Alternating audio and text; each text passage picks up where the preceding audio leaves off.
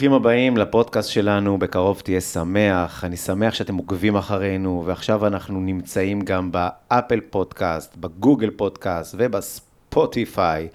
ולמי שאין את כל האלמנטים והפונקציות והאפליקציות האלה, שייכנס לאתר, בקרוב תהיה שמח.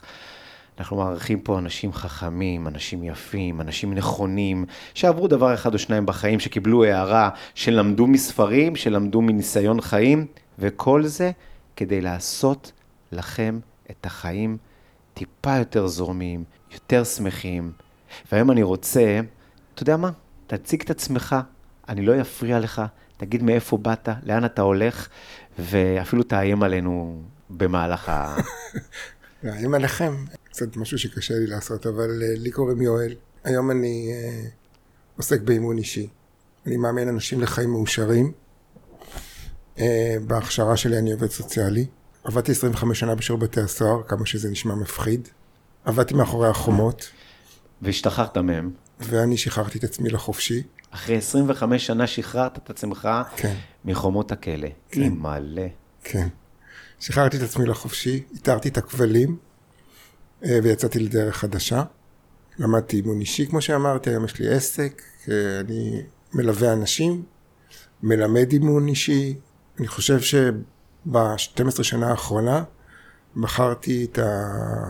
לחיות באושר, לאמן את עצמי להיות באושר כל יום מחדש. וואו, וואו, וואו.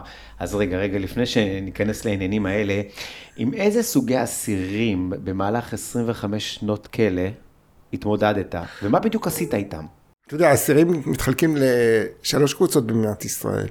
יש אלה לפני משפט, שזה נקרא עצורים או לימים או עד תום ההליכים. יש שפוטים, שבשפוטים יש, מתחלקים או לביטחוני או לפלילי. אתה יודע, זה, מבחוץ זה נראה כאילו שהם מחולקים לפי סוגי עבירות, חמורים יותר או חמורים פחות, אז זה נכון. אבל עבדתי עם כולם. עבדתי עם רוצחים, עבדתי עם אנסים, עבדתי עם נרקומנים, עבדתי עם... פחדת? לא. אני חייב להגיד לך שלא פחדתי. אף פעם. לא פחדתי מהם. אתה יודע למה? מדוע? כי דיברתי להם בגובה העיניים. אז תראה, שם מתחילה השיחה שלנו, בסדר? אתה בעצם פגשת את האדם שנמצא במקום הכי נמוך שלו, בסדר?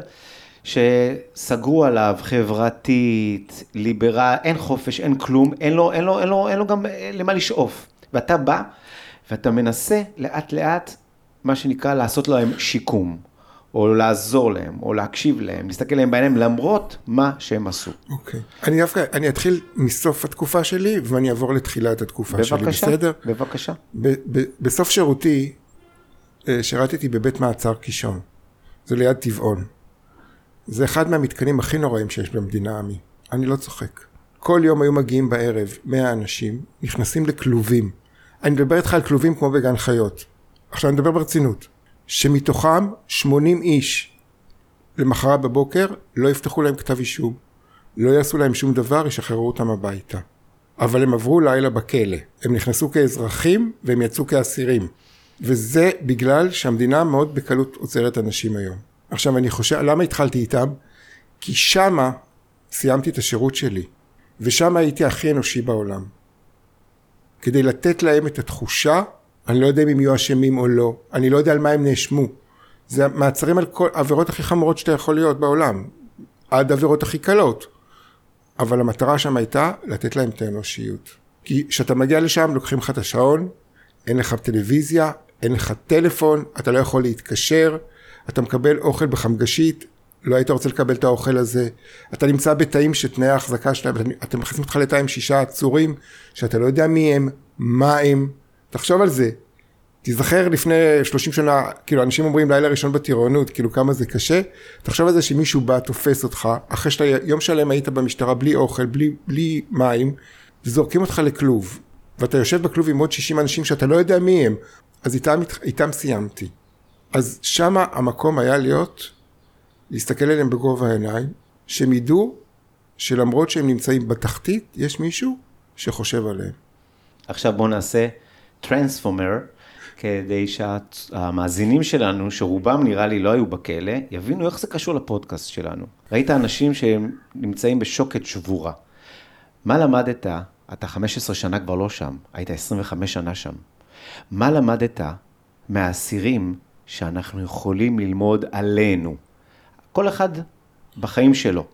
אני חושב שמה שלמדתי, אם יש משהו שאי אפשר לקחת ממך, זה את התקווה ואת תחושת החירות, גם בתור אסיר. אז בוא תגיד לי בבקשה, כי אני רוצה ממש להבין, כי לפעמים מי כמוני יודע, וכמו מי שמאזין לנו, שאנחנו אסירים של עצמנו הרבה פעמים, אוקיי? אנחנו בתוך כלא, כל אחד וההגבלות שלו והשריטות שלו.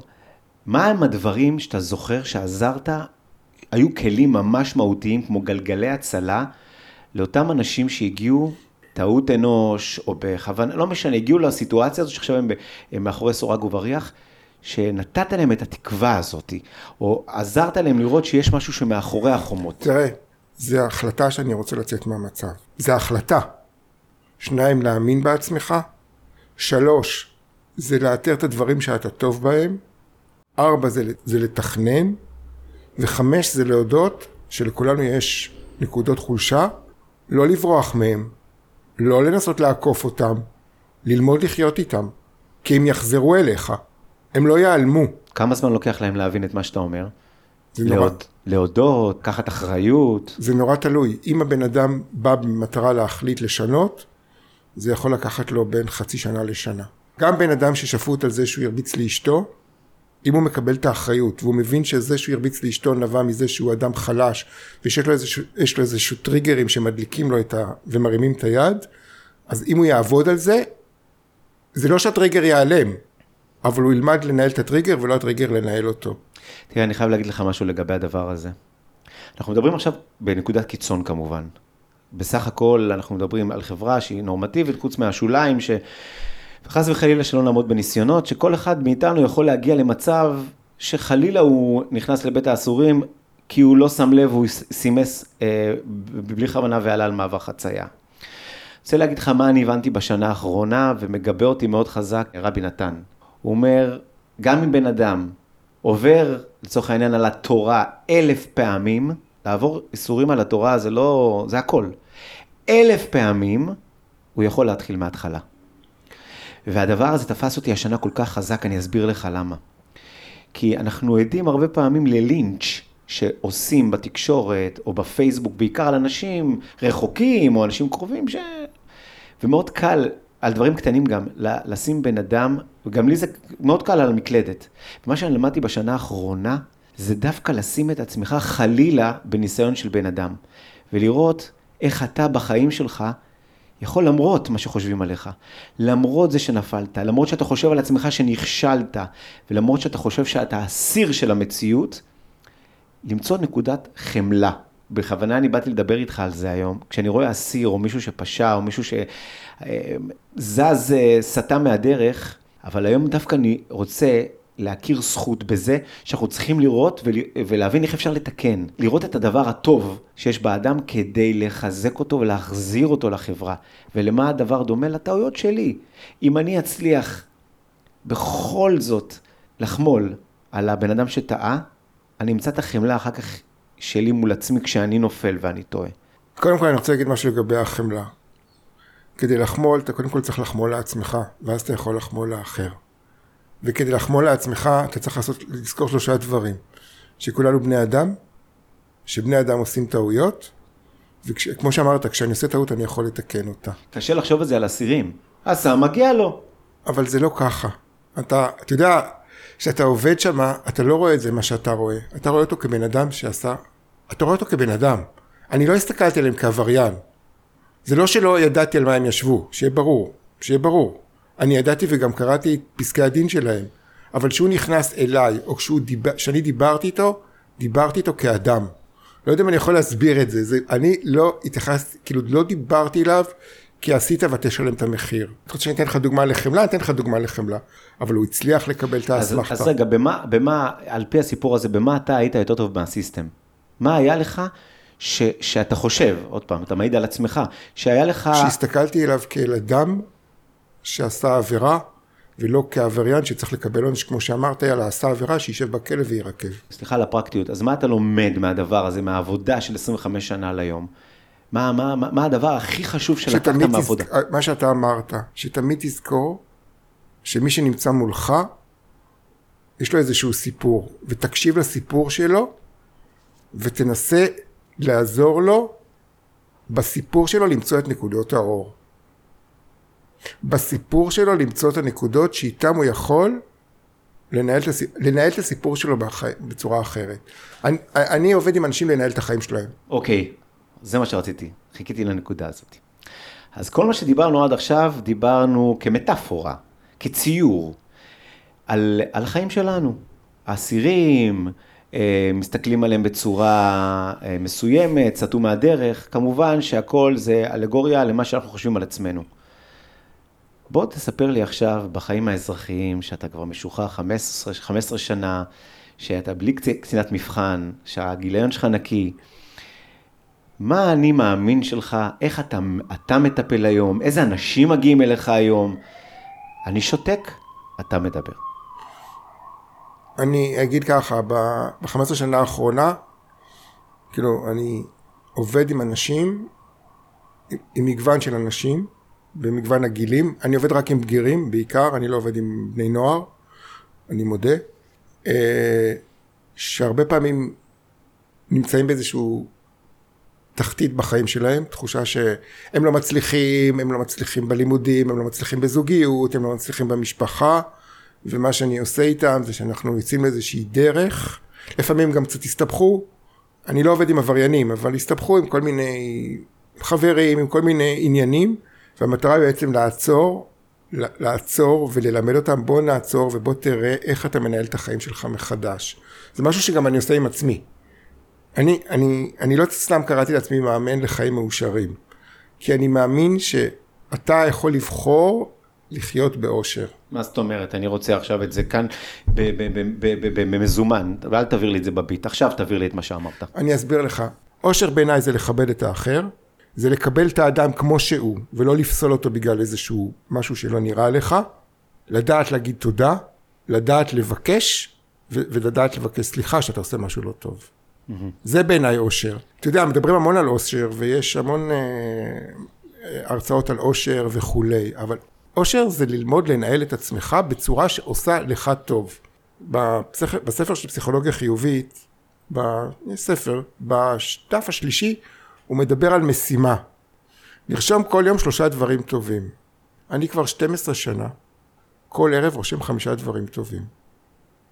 יש לי 12 יומנים כאלה. איך אתה, חמישה דברים טובים חדשים? כל יום. ואיך אתה ממציא כזה דבר? זה דברים הכי קטנים שיש, אתה אפילו לא יודע מה זה.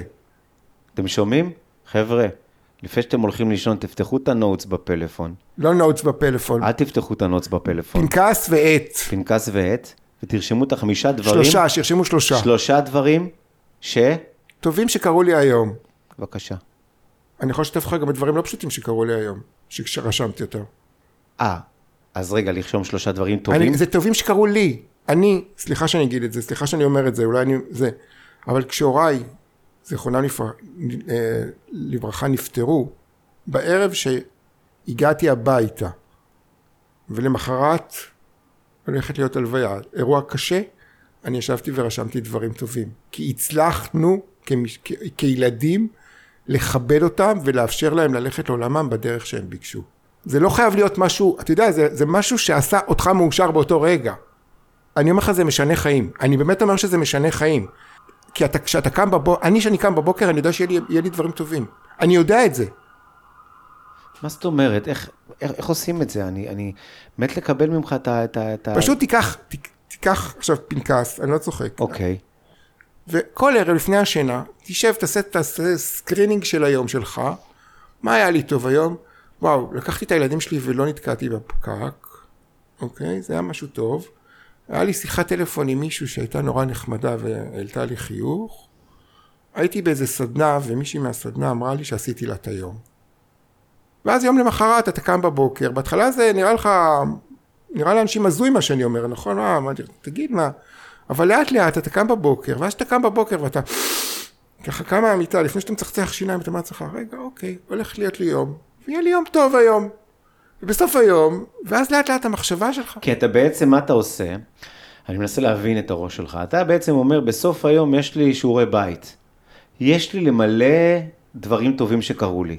אז תשים לב לדברים הטובים שהולכים לקרות לך. זאת אומרת, שהיום מראש אני אכוון את עצמי לדברים טובים, שבערב אני אכתוב דברים טובים. ו- כי המערכת, מה היא מחפשת? את הפאקים. נכון, זה המוח, זה, ואז המוח שלך, הפעם אמרת לי, לאמן את עצמך להיות מאושר, זה לאמן את עצמך להיות מאושר. זה נקרא לאמן את עצמך להיות מאושר, זה בזה שאתה מאמן את עצמך להכניס את האושר כחלק מהחיים שלך, גם ברגעים קשים וגם ברגעים טובים. גם כשמתקשרים אליך מהבנק ואומרים לך, אדוני בוא תיכנס כי אתה כבר עברת את המכסה, אבל אז להגיד לעצמך, אוקיי, בוא נראה מה אני עושה, ולא להגיד חרב על העולמי, אני לא יודע מה אני אעשה, נגמר לי כל זה. לא, אוקיי, זה המצב. בוא נחשוב מה אני הולך לעשות.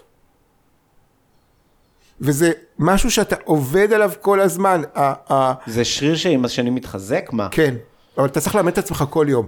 אתה צריך לאמן את עצמך כל יום. זה לא, כי אנשים אומרים לך, רגע, אז למה אתה עושה את זה? אתה כבר עשית את זה 12 שנה, מה זה כבר לא אוטומט? אני לא רואה את זה אוטומט. והיומן הזה, אני כל שנה קונה כזה פנקס כזה, אתה יודע, של יומן שנתי כזה, וכל יום אני ממלא. ואני אומר לך את האמת, זה משהו שאני עושה אותו, והוא נוסע איתי לחו"ל, לכל מקום. אני לוקח אותו איתי לכל מקום. וואו. ואני כל ערב יושב ורושם. אז נכון, יכול להיות שביום שאני אהיה בבית ולא עשיתי שום דבר, אז יהיה לי יותר קשה למצוא חמישה, חמישה דברים, כי לא עשיתי הרבה פעילות. אבל עצם זה שהיום עבר בשקט, אני אומר לך, זה, זה תרגיל שצריך לעשות אותו. והיומנים האלה, שאתה שומר אותם? כן. מה אתה עושה איתם אחרי שכתבת? אתה יודע, זה כבר לא מעניין. אני, אני לא, אני שומר אותם כי אני מרגיש שכשהם נמצאים, אז uh, הם נמצאים איתי. אני לא מסתכל. אם אתה שואל אותי אם הסתכלתי ליומן הראשון שמיל, שאי פעם מילאתי, לא. אם אתה שואל אותי כשאני אעבור דירה, אם אני אקח אותם, לא, הם ילכו למחזור. אבל כרגע אני שומר אותם. איזה עוד כלי אתה משתמש בו? זה כלי חזק מה שאמרת עכשיו, שאתה מתרסק.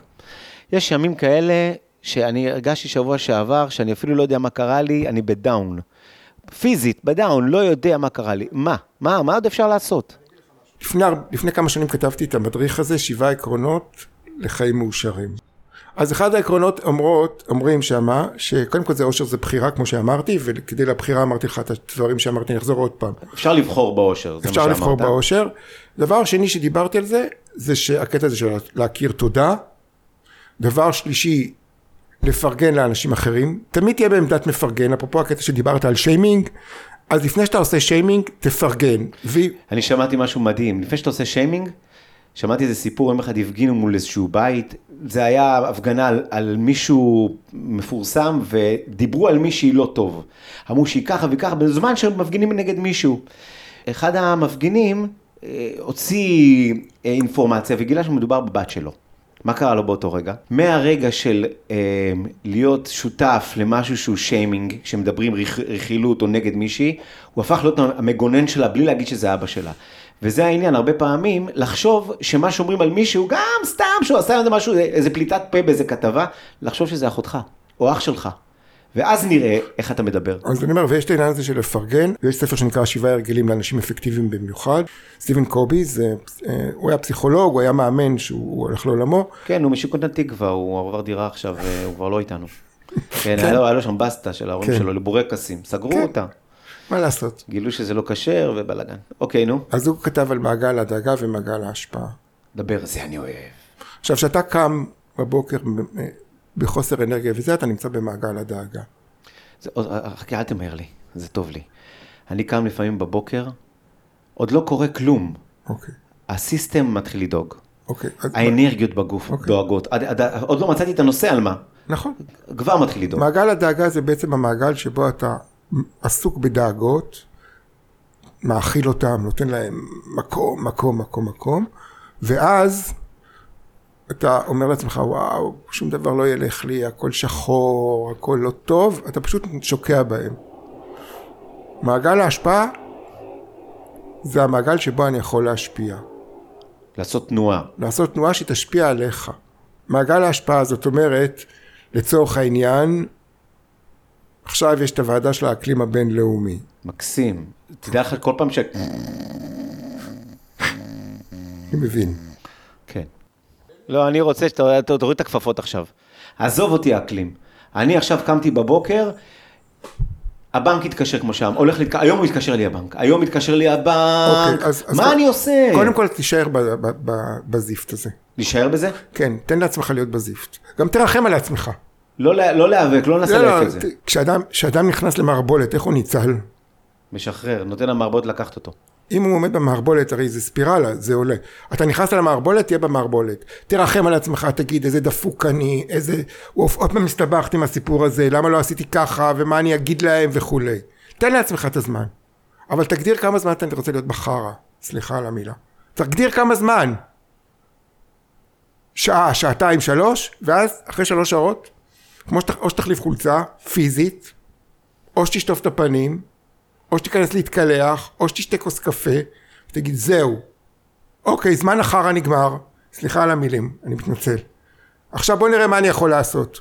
להרים אליהם טלפון, אני אלך לדבר איתם, אני אתגלח, אני אסתדר, אני אבוא אליהם מסודר, לא, לא לא מגולח וכזה בחרא, אני אקח לעצמי אוויר, אני אקח לעצמי נשימה, אני אבוא, אני אכין לעצמי דף מה אני הולך להגיד להם ואני הולך לסגור את זה. זה להיות במעגל ההשפעה. לעומת מה שאני רגיל, וואלכ, לסחוב עוד יום יומיים, לקחו לי, שתו לי, אני בתוך המערבולת, מישהו יעזור לי, ידעתי שהאחים שלי דפוקים, כן. באתי מבית דפוק, אני- אני- ולא לעשות שום דבר, לא לחכות, זה, לא לחכות ל- ל- לחבל, או לזרוק לעצמך כן. חבל, לצאת החוצה, אלא להישאר בתוך ה... אבל תישאר. סליחה על הביטוי חרא. לא, אבל תישאר שם. תרשה לעצמך, וגם תרחם על עצמך. אבל לתחם את זה בזמן. תרחם על עצמך, תגיד אני מסכן, ואני כזה, ואני אומלל, ועוד פעם, זה תמיד קורה לי. כל המשפטים שכולנו אומרים, אין אדם שלא אומר אותם. אדם לא הולך עם חיוך, גם אני לא הולך עם חיוך, גם אני יש להם שאני קם ואני מרגיש חרא. מה עשינו בתקופה של שנה של הקורונה? יכלנו להיכנס לחרא ולהיכנס מתחת לשמיכות ולא לצאת ממהם שנה שלמה. אבל מה עשינו? מי שהיה חכם ו- ולא נשאר מתחת לשמיכה, אז בסדר, אז בכלל היינו מתחת לשמיכה.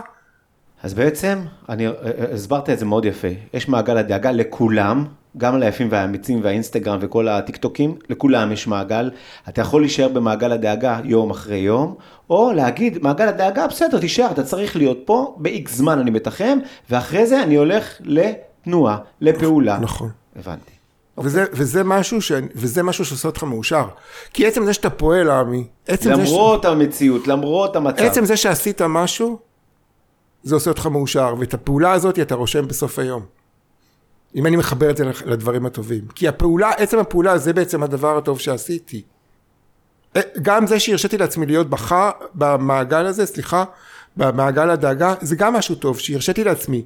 הרשיתי לעצמי, ואני למדתי לנהל אותו, אני למדתי לנהל את מעגל הדאגה שלי. יפה, זה חידוש. תדאג, אבל תתחם. וזה לא נעלם, מעגל הדאגה לא היה, כאילו, זה לא מחשבות, קשיים, לא נעלמים. ואם מישהו בא אליך ואומר לך בוא אליי ואני אלמד אותך איך להעלים את הקשיים ואת הזה, אני אומר לאנשים לא, אני לומד אותך איך לנהל אותם. הם לא נעלמים. אם הייתי, אם הייתי, אם הייתי מפתח את השיטה של להעלים קשיים, אני מניח ש... לא יודע אם היה לנו זמן עכשיו לדבר, כי בטח מפה עד הייתה הודעה של הרבה אנשים שהיו באים ומבקשים את זה. אבל אין, קושי הוא חלק מהחיים שלנו. אז סליחה אם הרסתי לאנשים. לא, לא, להפך, להפך, שאנשים לא יחשבו ש... שאנחנו פה מדברים על בקרוב תהיה שמח והכל אה, לבן צחור ואנחנו כאילו- באים אה, בגבוה. לא, אתה אומר, גם היפים והאמיצים החתיכים שנראים טוב כמוך וכמוני, נוגסים בתוך החיים ו... ולא בורחים. איך אמר לי יובל סמו בפודקאסט אה, שניים אחורה? יש בעיות בחיים, לא אומרים שלא, אבל באים, מה הבעיה? באים, בודקים, מטפלים, הולכים קדימה. אמר- אמרתי לו, תשמע, אתה נורא פרקטי, אז מי שלא שמע את השיחה עם יובל סמו, אז ככה, ככה הוא רואה את החיים. פרקטי, יש בעיה, יש בעיה, הולכים מטפלים, הולכים קדימה, מה, מה, מה הבעיה, מה, מה קרה שתהיה קרה? זהו. אבל, אבל, אבל זה, זה, זה גישה שאתה צריך ללמוד, אתה צריך לאמן את עצמך כל יום מחדש. ברור, כי, ברור. כי ה, ה, הדבר הקשה בזה, זה שהרבה פעמים, נגיד אתה מצליח ואז פתאום בקושי, ואתה פתאום נבהל פתאום שיש לך קושי. זה קושי, הוא חלק מהחיים שלך, אתה צריך ללמוד לקבל אותו, וזה, וזה בעיניי להיות מאושר. זה, זה עבודה קשה, זה אימון קשה, זה לאמן את עצמך כל יום מחדש. כי אם אתה לא תאמן את עצמך מחדש, אתה מהר מאוד תמצא את עצמך חי באיזה תחושה שהחיים הם קשים וזה זה המצב. אז בא- באותו דבר, אני קצת קראתי וחפרתי עליך, אתה מדבר הרבה על אופטימיות. יש דבר כזה? כן. מה זה, בוא, איך אתה, איפה קונים? לא קונים, תשמע, אני חושב שהאופטימיות שלי אה, הייתה, זה, זה קיבלתי אותה בבית של ההורים שלי. אני קיבלתי הרבה חרדות. ואהבה כמובן, שההורים שלי יזכו לכם ארוכים, אבל חרדה זה... וואו, וואו, שלא יקרה משהו. תשמע, אני אגיד משהו אחד. ההורים שלי, אמא שלי הייתה ניצולת שואה. איבדה כמעט את כל המשפחה שלה. אני אגיד לך, אני אגיד לך איך קיבלתי. זה מפתיע לבית אופטימי. אמא שלי הייתה אישה מאוד נאה, בתור בחורה צעירה. והיא הגיעה ארצה, והיא הייתה אחות. לא, היא הייתה אחות, היא התגייסה לצבא. והיא עבדה ב... ב... בצריפין. והיה לה חבר מעליית הנוער. גבר נאה, משכיל, אירופאי. ואבא שלי, יליד הארץ, היה שוטר צבאי. הוא ראה את אמא שלי ומצא חן בעיניו. והוא ניסה להתחיל איתה. והיא נפנפה אותו. אמרה לו, יש לי חבר וזה. אז יום אחד הצבר אמר לה, את יודעת מה, בואי, תגידי לחבר שלך שיבוא, סיפור אמיתי. נלך מכות, מי שיצליח במכות, את תהיי שלו. נחמד. ואז הם נפגשו, כאילו הם נפגשו וזה, אחרי המשמרת שלה באו שניהם, והאירופאי, אירופאי, אמר לאימא שלי, את יודעת מה, לפני שאנחנו הולכים מכות וזה, הולכים זה, נשאל אותה, למי שהיא בוחרת ונלחץ ידיים ונסיים. מכות הם לא הלכו, אבל אמא שלי בחרה באבא שלי. ואז שאלתי אותה, אמא, למה בחרת באבא?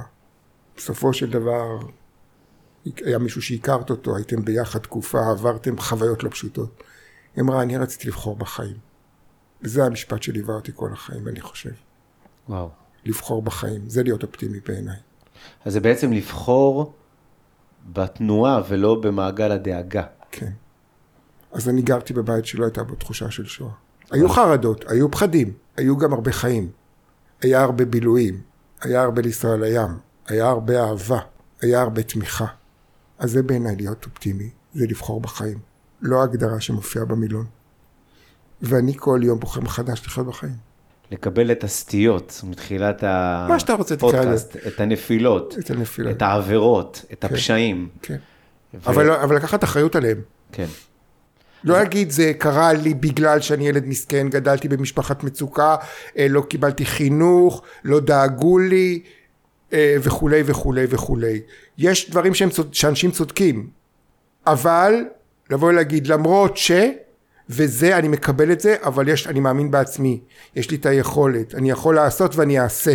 זה בעצם מה שאני לומד מזה, שאפשר להיות בתוך הכלא עם חירות, להסתכל החוצה ולדעת שאתה איש חופשי וללכת להגשים את עצמך, ואפשר להיות בחופשיות מחוץ לכלא ולחיות סגור, נעול, כלוא בתוך דברים שהבאת מהבית, בתוך מעגלי דאגה, חרדה, להבין בסוף הדרך, אני מקווה שלא בגיל 80, שהמפתח לשחרר את עצמך מהכלא הזה, תמיד היה מונח אצלך, תמיד יכולת אתה לעשות משהו. אז, אז לפני שאנחנו נגיע לסוף הפודקאסט, אני רוצה לשאול שאלה שקצת ממוטטת לנו את כל המגדל קלפים הזה. תראה, אני כתבתי ספר, בקרוב תהיה שמח, על דברים שאני עברתי, ואיך אפשר להיות שמחים למרות כל הדברים, עם יד על הלב. כמה מתוך מה שאנחנו אומרים, מוכרים, באמת אפשר להגשים.